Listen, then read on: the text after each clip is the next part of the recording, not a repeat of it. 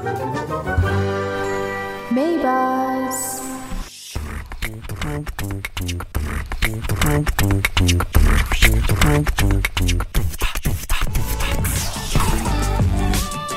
nih yang hobinya ngobrol or dengerin orang ngobrol? Daripada sendirian aja, yuk ngobrol bareng bersama Maybus. Cause one bus a day keeps the boredom away.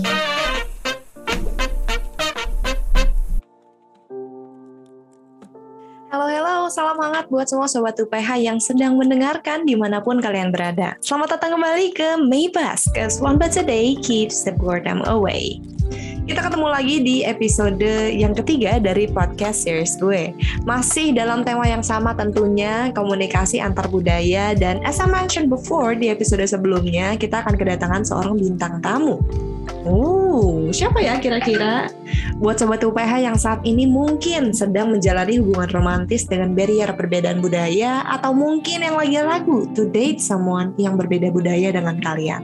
This podcast was made for you. Kita akan membahas bagaimana pernikahan beda budaya dijalani, apa aja tantangannya, apa aja keseruannya, dan bahkan tips and tricks buat kalian yang juga mau menjalani pernikahan beda budaya. So stay tune, dengerin podcast hari ini yang berjudul I Love You, but check it out.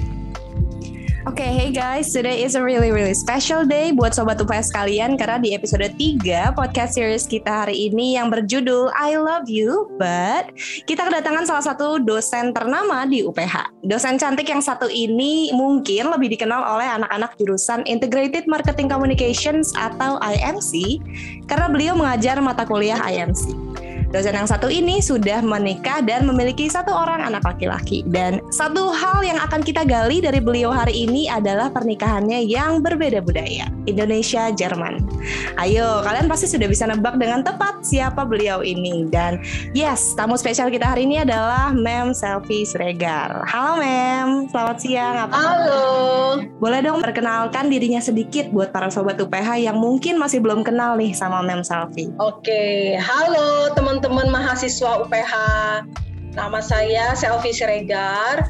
Saya biasanya mengajar di mata kuliah jurusan AMC ya uh, walaupun kadang-kadang diperbantukan, uh, tetapi uh, tidak tentu ya kalau untuk mata kuliah PR ataupun uh, jurnalistik ya.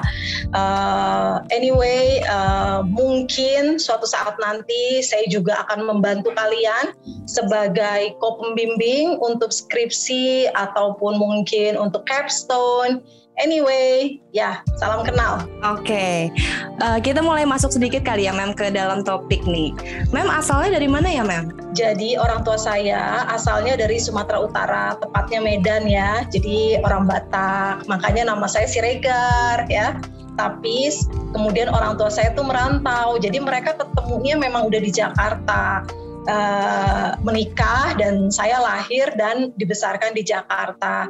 Jadi kalau saya lagi berbicara bahasa Indonesia, uh, aksen saya logat saya tuh agak-agak Betawi ya dikarenakan memang saya besar dan lahir di Jakarta. Oke, itu kan tadi asal mem ya. Kalau suami mem dari mana mem asalnya? Oke, suami saya berasal dari negara Jerman, uh, tepatnya di satu kota kecil dekat Frankfurt. Oke, kalau sekarang memnya menetap di mana dengan keluarga? Sekarang kami memutuskan menetap di Tangerang Selatan, Indonesia ya tepatnya di BSD. Oke, kalau misalnya masalah keluarga negaraan suami dan anak gimana tuh, Mem? Uh, jadi menikah dengan pria berbeda negara ada pastilah ya, ada plus and minusnya. Nah, salah satu minusnya atau tantangannya itu adalah kita akan selalu mengurus dokumen-dokumen kenegaraan non-stop, tidak ada habisnya. Jadi kalau sekarang kewarganegaranya masih Jerman atau gimana tuh, Mem?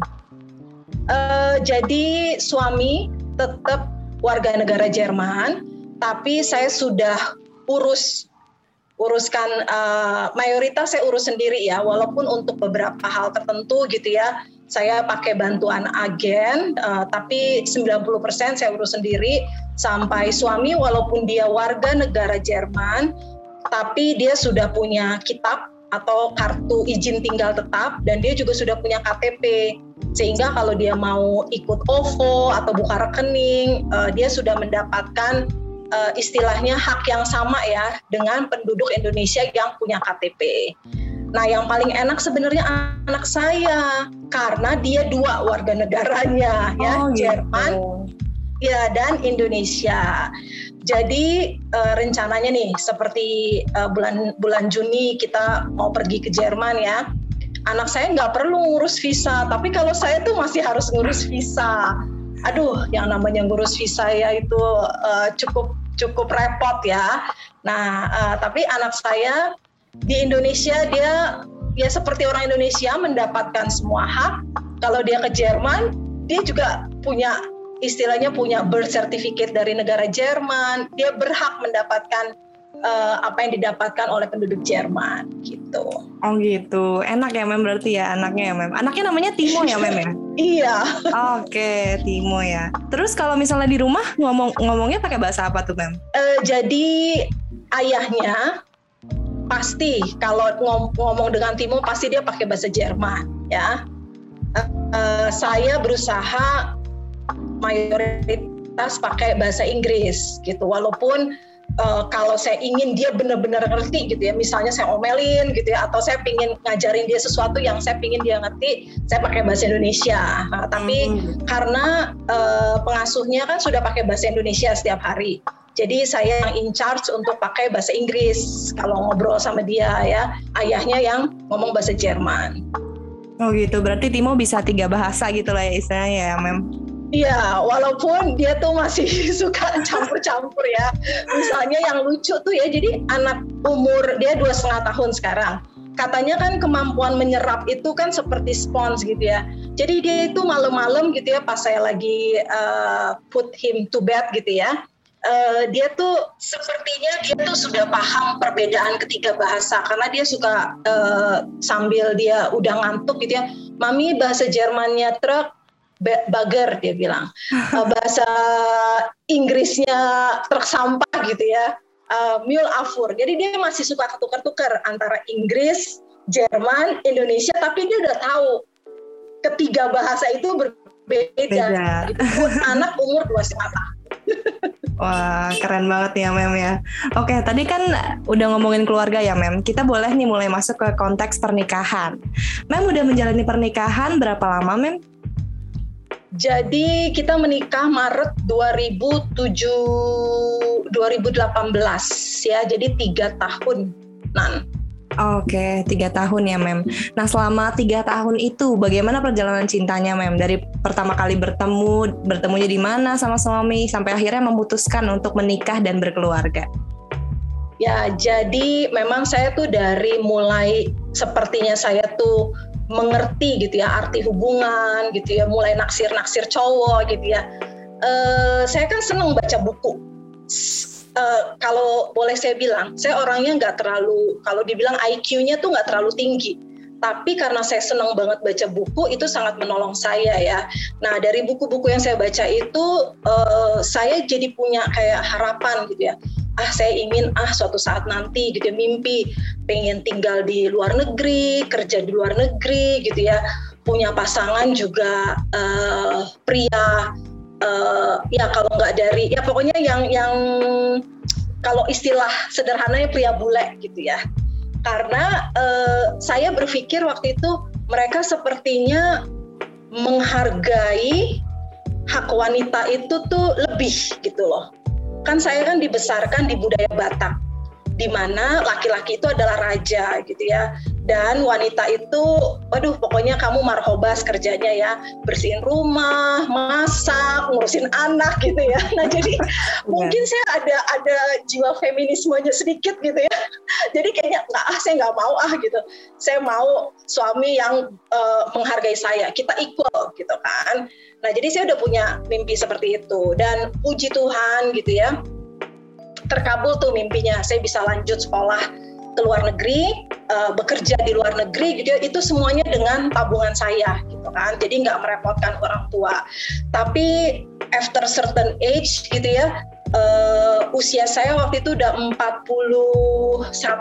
ya.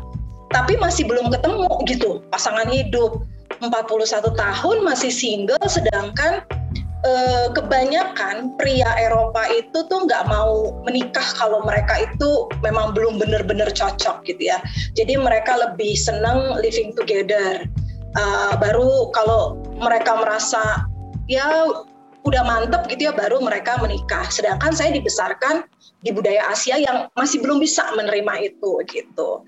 Dan kemudian itu dari sisi personal, dari sisi karir mentok ya kalau kita dari Asia kita harus menyadari bahwa karir kita akan sangat sulit kecuali kita exceptional sekali punya skill yang exceptional sekali yang kita bisa karirnya meningkat. Jadi waktu itu saya putuskan sudah deh pulang ke Indonesia aja gitu ya, mulai lagi restart lagi dari nol.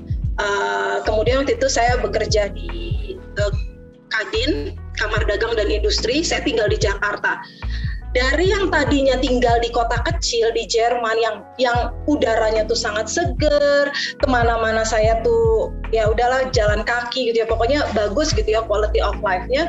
Tiba-tiba tinggal di Jakarta yang saya harus bermacet berjam-jam gitu ya. Ya untungnya saya keterima di UPH akhirnya saya putuskan it's not worth it gitu loh untuk hidup di Jakarta is not worth it. Mendingan saya tinggal di Karawaci.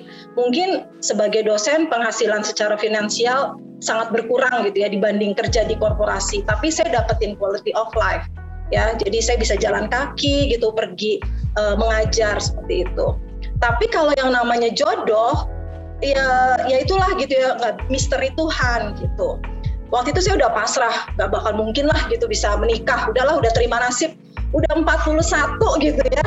Ya udahlah gitu ya. Nggak apa-apa tetap nikmatin hidup.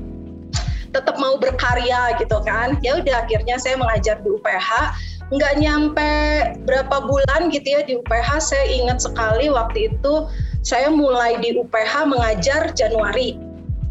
Bulan Juni Juni di tahun yang sama saya dikenalin sama sahabat saya sahabat saya bilang Selfie saya punya rekan kerja, tapi dia tinggal kerjanya di kantor cabang yang di uh, Jerman gitu ya. Kamu mau nggak saya kenalin? Saya bilang oh ya nggak masalah gitu ya. Cocok syukur nggak cocok ya jadi teman. Jadi waktu itu saya santai banget gitu ya. Jadi dari mulai Juni dia dia akhirnya uh, chatting saya gitu ya lewat Facebook. Dari mulai Juni terus kemudian dia September akhirnya datang visit saya ke Indonesia. Ya jadi Juni ke September itu cuma empat bulan. Rencananya hanya mau ya udah ketemu gitu kan ya. Eh ternyata pada saat kita ketemu kok semakin kayak terkonfirmasi iya emang kita cocok nih gitu. Saya juga kaget. Karena kan saya orangnya natural itu serius galak gitu ya. Sama cowok aduh nggak ada deh genit-genitnya gitu ya. Pokoknya kalau cowok macam-macam udah uh, I don't have time gitu kan nah tapi anehnya sama uh, Daniel nih sama suami saya ini dari mulai kita pertama chatting kok cocok banget gitu. Ini bener-bener aneh. Saya kalau nggak ngalamin sendiri juga nggak nyangka. Padahal dia itu aslinya pendiam dan pemalu. Saya itu aslinya galak dan serius gitu. Tapi kok kita ngobrol nyambung? Dari mulai dia chatting saya kita terus tiap hari. Sampai menikah tuh nggak pernah nggak ada ngobrol gitu tiap hari walaupun mungkin cuma lewat chat seminggu sekali lewat video call gitu ya. Sampai dengan dia September empat bulan kemudian dia visit dan ternyata memang ada ketertarikan fisik juga gitu. Yang tadinya cuma mau ya udah ketemuan akhirnya kita sepakat untuk tunangan. Dan eh, saya bilang kita usia udah sama-sama di atas 40 gitu loh apalagi gitu tujuannya buat apa lagi gitu lama-lama. Dia, dia juga setuju gitu ya. Akhirnya kita sepakat memutuskan untuk menikah. Nah karena kita berbeda negara gitu ya e, mengurus dokumen itu kan susah. Jadi saya pikir paling cepat enam bulan gitu kan kita bisa dapetin semua dokumen persyaratan. Oke berarti kita sama-sama sepakati ya udah bulan Maret gitu ya kita menikah. Ya udah jadi dari semenjak pertama chatting empat bulan kemudian tunangan nggak nyampe 10 bulan menikah. Itulah kalau yang namanya jodoh. Oke. Namanya jodoh ya mem ya. Sweet banget mem ceritanya mem. Oke, okay. tadi kan Mem cerita ya, berarti pernah LDR segala macam ya Mem. Nah selama sebelum dan sebelum menikah itu pasti dong ada apa tantangan komunikasi ya karena perbedaan budaya dan bahasa yang dialami. Itu gimana tuh Mem apa aja dan gimana Mem mensiasatinya sampai bisa langgeng sampai sekarang gitu Mem? Iya, jadi uh, saya kan memang punya pengalaman kerja lebih dari 10 tahun di HRD ya. Uh, posisi saya terakhir HRD manager, jadi saya tuh terbiasa kan nge ngewawancarain kandidat gitu kan.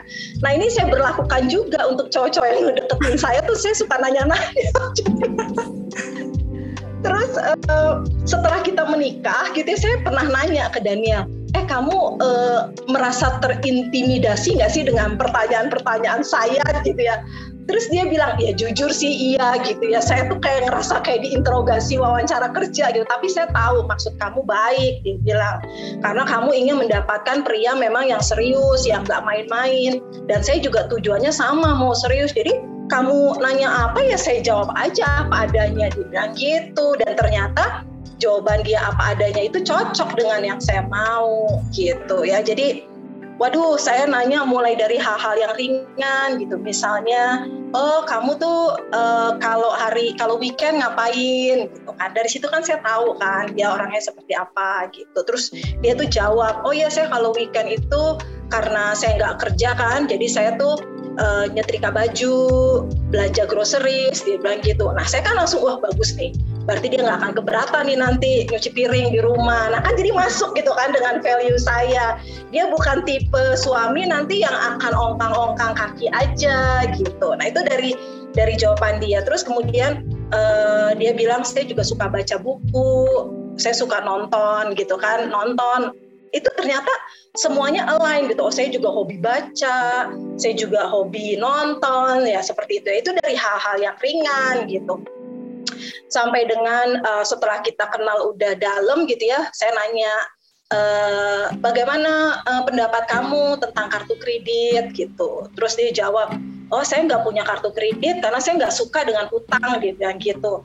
Uh, saya punya kartu kredit itu punya kantor dan saya pakai hanya untuk uh, urusan kantor. Saya bilang waduh pas banget nih dengan saya. Saya juga kayaknya pusing gitu kalau punya suami yang suka berhutang gitu kan. Nah, jadi dari jawaban-jawaban dia itu dia ngejawab, dia ngerasa ngejawab apa adanya, tapi ternyata jawaban dia itu cocok dengan value saya seperti itu.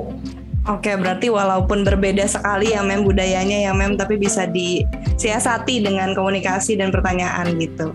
Nah, iya betul. Uh, uh, nah, uh, selanjutnya gimana uh, penasaran nih saya Mem, gimana Mem bisa yakin untuk melangkah ke jenjang pernikahan walaupun sebenarnya tahu gitu ada perbedaan budaya antara Mem dan tentunya antara dua pihak keluarga ya gitu Mem. Gimana bisa yakin gitu akhirnya untuk mau menikah? Oke, nah jadi yang membuat saya jujur yakin adalah pertama karena dia itu direkomendasikan oleh sahabat saya. Yang saya tahu, saya kagum banget sama sahabat saya itu. Dia juga termasuk wanita yang menurut saya uh, apa ya mm, mengagumkan lah gitu ya. Maksudnya dia itu regional manager dia itu sering dikirim oleh uh, perusahaannya gitu uh, tugas-tugas uh, perjalanan dinas luar negeri. Dan dia juga punya keluarga yang bahagia gitu suaminya anaknya. Jadi rekomendasi dia itu uh, saya cukup uh, apa ya uh, percaya gitu. Waktu saya tanya ke sahabat saya itu eh gimana uh, Daniel? Uh, orangnya? Sahabat saya itu udah kenal Daniel udah cukup lama ya mungkin lebih dari lima tahun sebagai rekan kerja. Dan dia bilang oh ya dia dia solid lah gitu.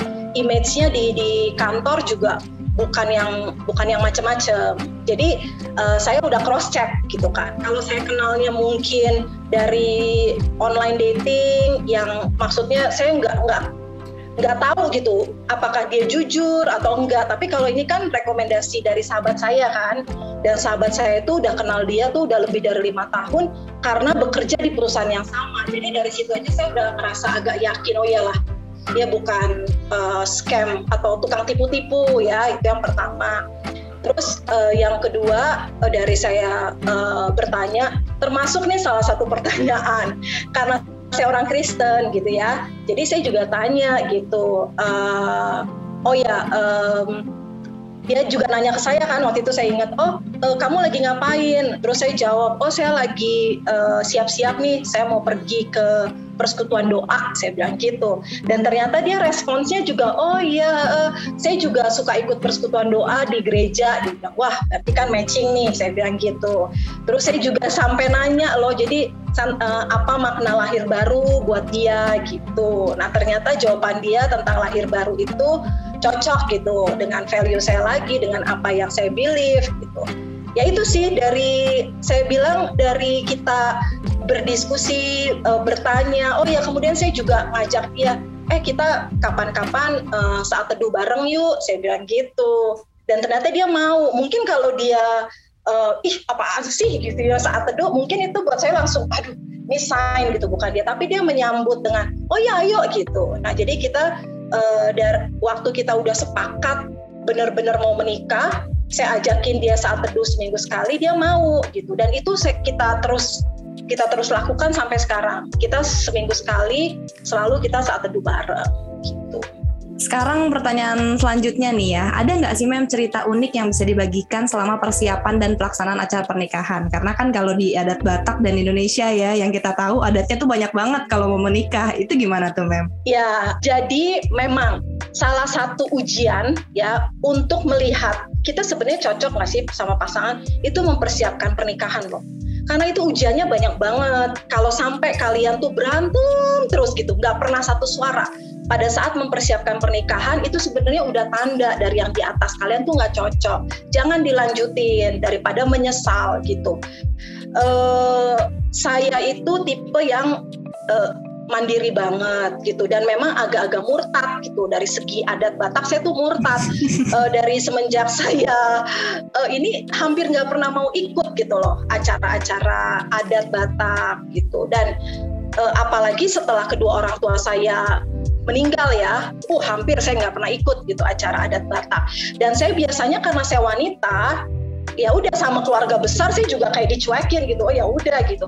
Tetapi pada saat saya menik mau menikah dan saya bilang ke paman dan bibi saya gitu saya langsung menjadi the center of attention of keluarga besar gitu.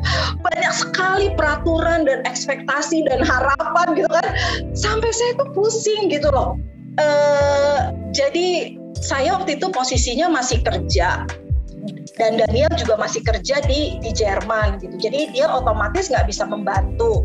Nah kalau saya kalau kita mau mengadakan acara pernikahan sesuai adat Batak, aduh itu repot banget prosesinya. Jadi Daniel tuh mesti mungkin beberapa bulan sebelumnya udah mesti ke Indonesia dan kita tuh ke masing-masing paman nanti ada acaranya. Terus kemudian Daniel harus diadopsi dulu, diberikan marga. Akhirnya kita memutuskan nggak pakai acara adat Batak. Waduh, saya dihujat ya, dihujat. Tapi ya udahlah, wah saya tuh di dikata-katain gitu ya. Tapi ya udah.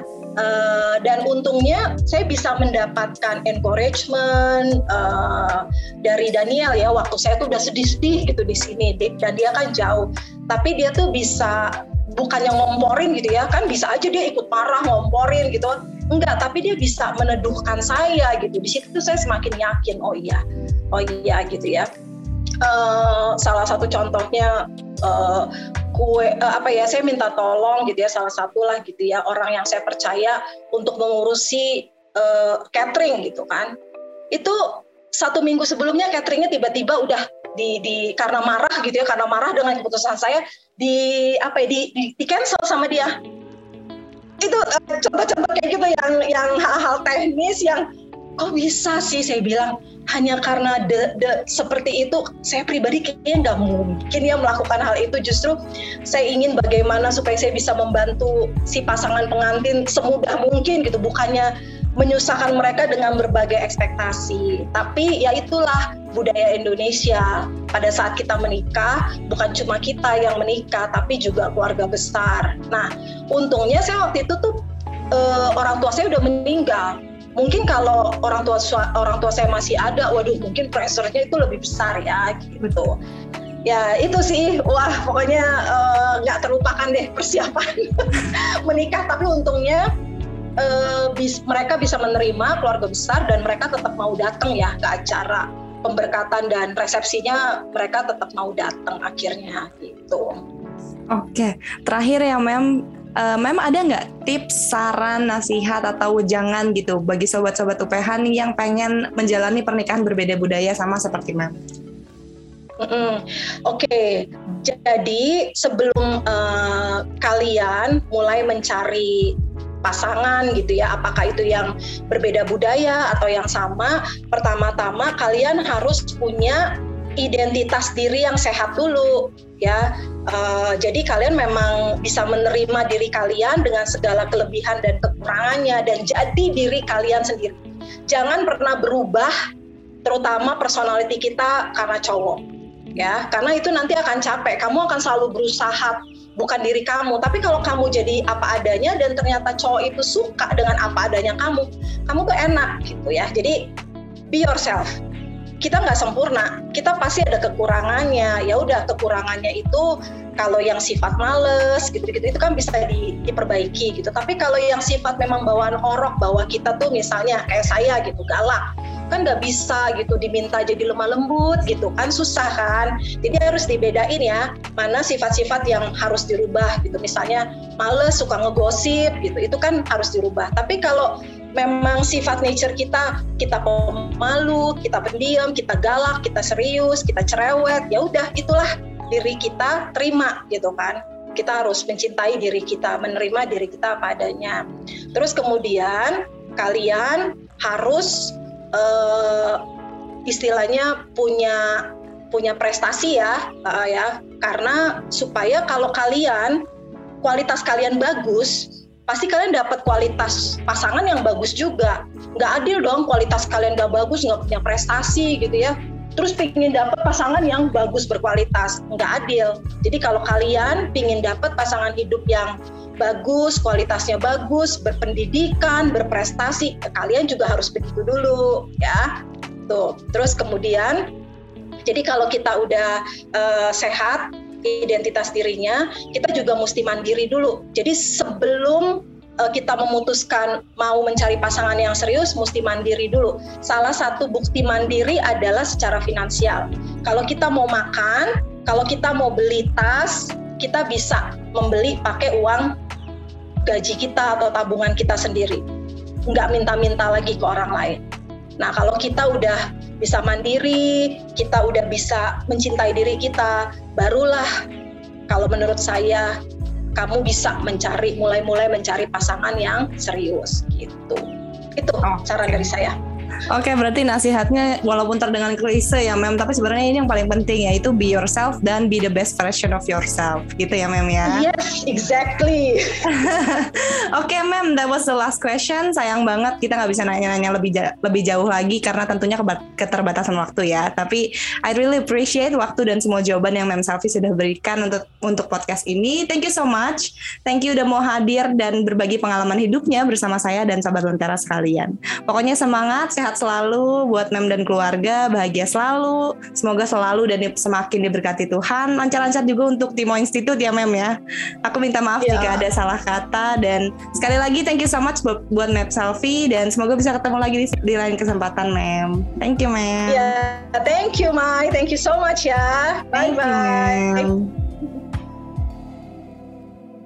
And that was the third and the last episode of the podcast series. Gimana nih? Kalian pasti udah dapat banyak banget insight dan mungkin buat kalian yang sedang gundah mau menjalani hubungan berbeda budaya atau mau call it off, semoga kalian bisa dapat jawaban dan pertimbangan melalui podcast ini. Sehat terus buat kalian sobat UPH di mana pun kalian berada. Stay safe, take care, dan buat kalian yang masih belum dengerin episode 1 dan 2 dari podcast series gue, just dengerin melalui LinkedIn, Anchor FM, dan Spotify. Shout out to you guys Sobat UPH, para pendengar. Keep buzzing guys, cause one buzz a day keeps the boredom away. Love you guys, bye-bye.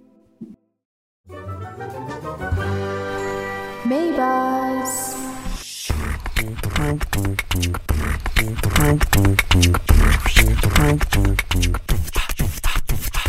Anda baru saja menyimak Maybuzz. Cause one buzz a day keeps the boredom away.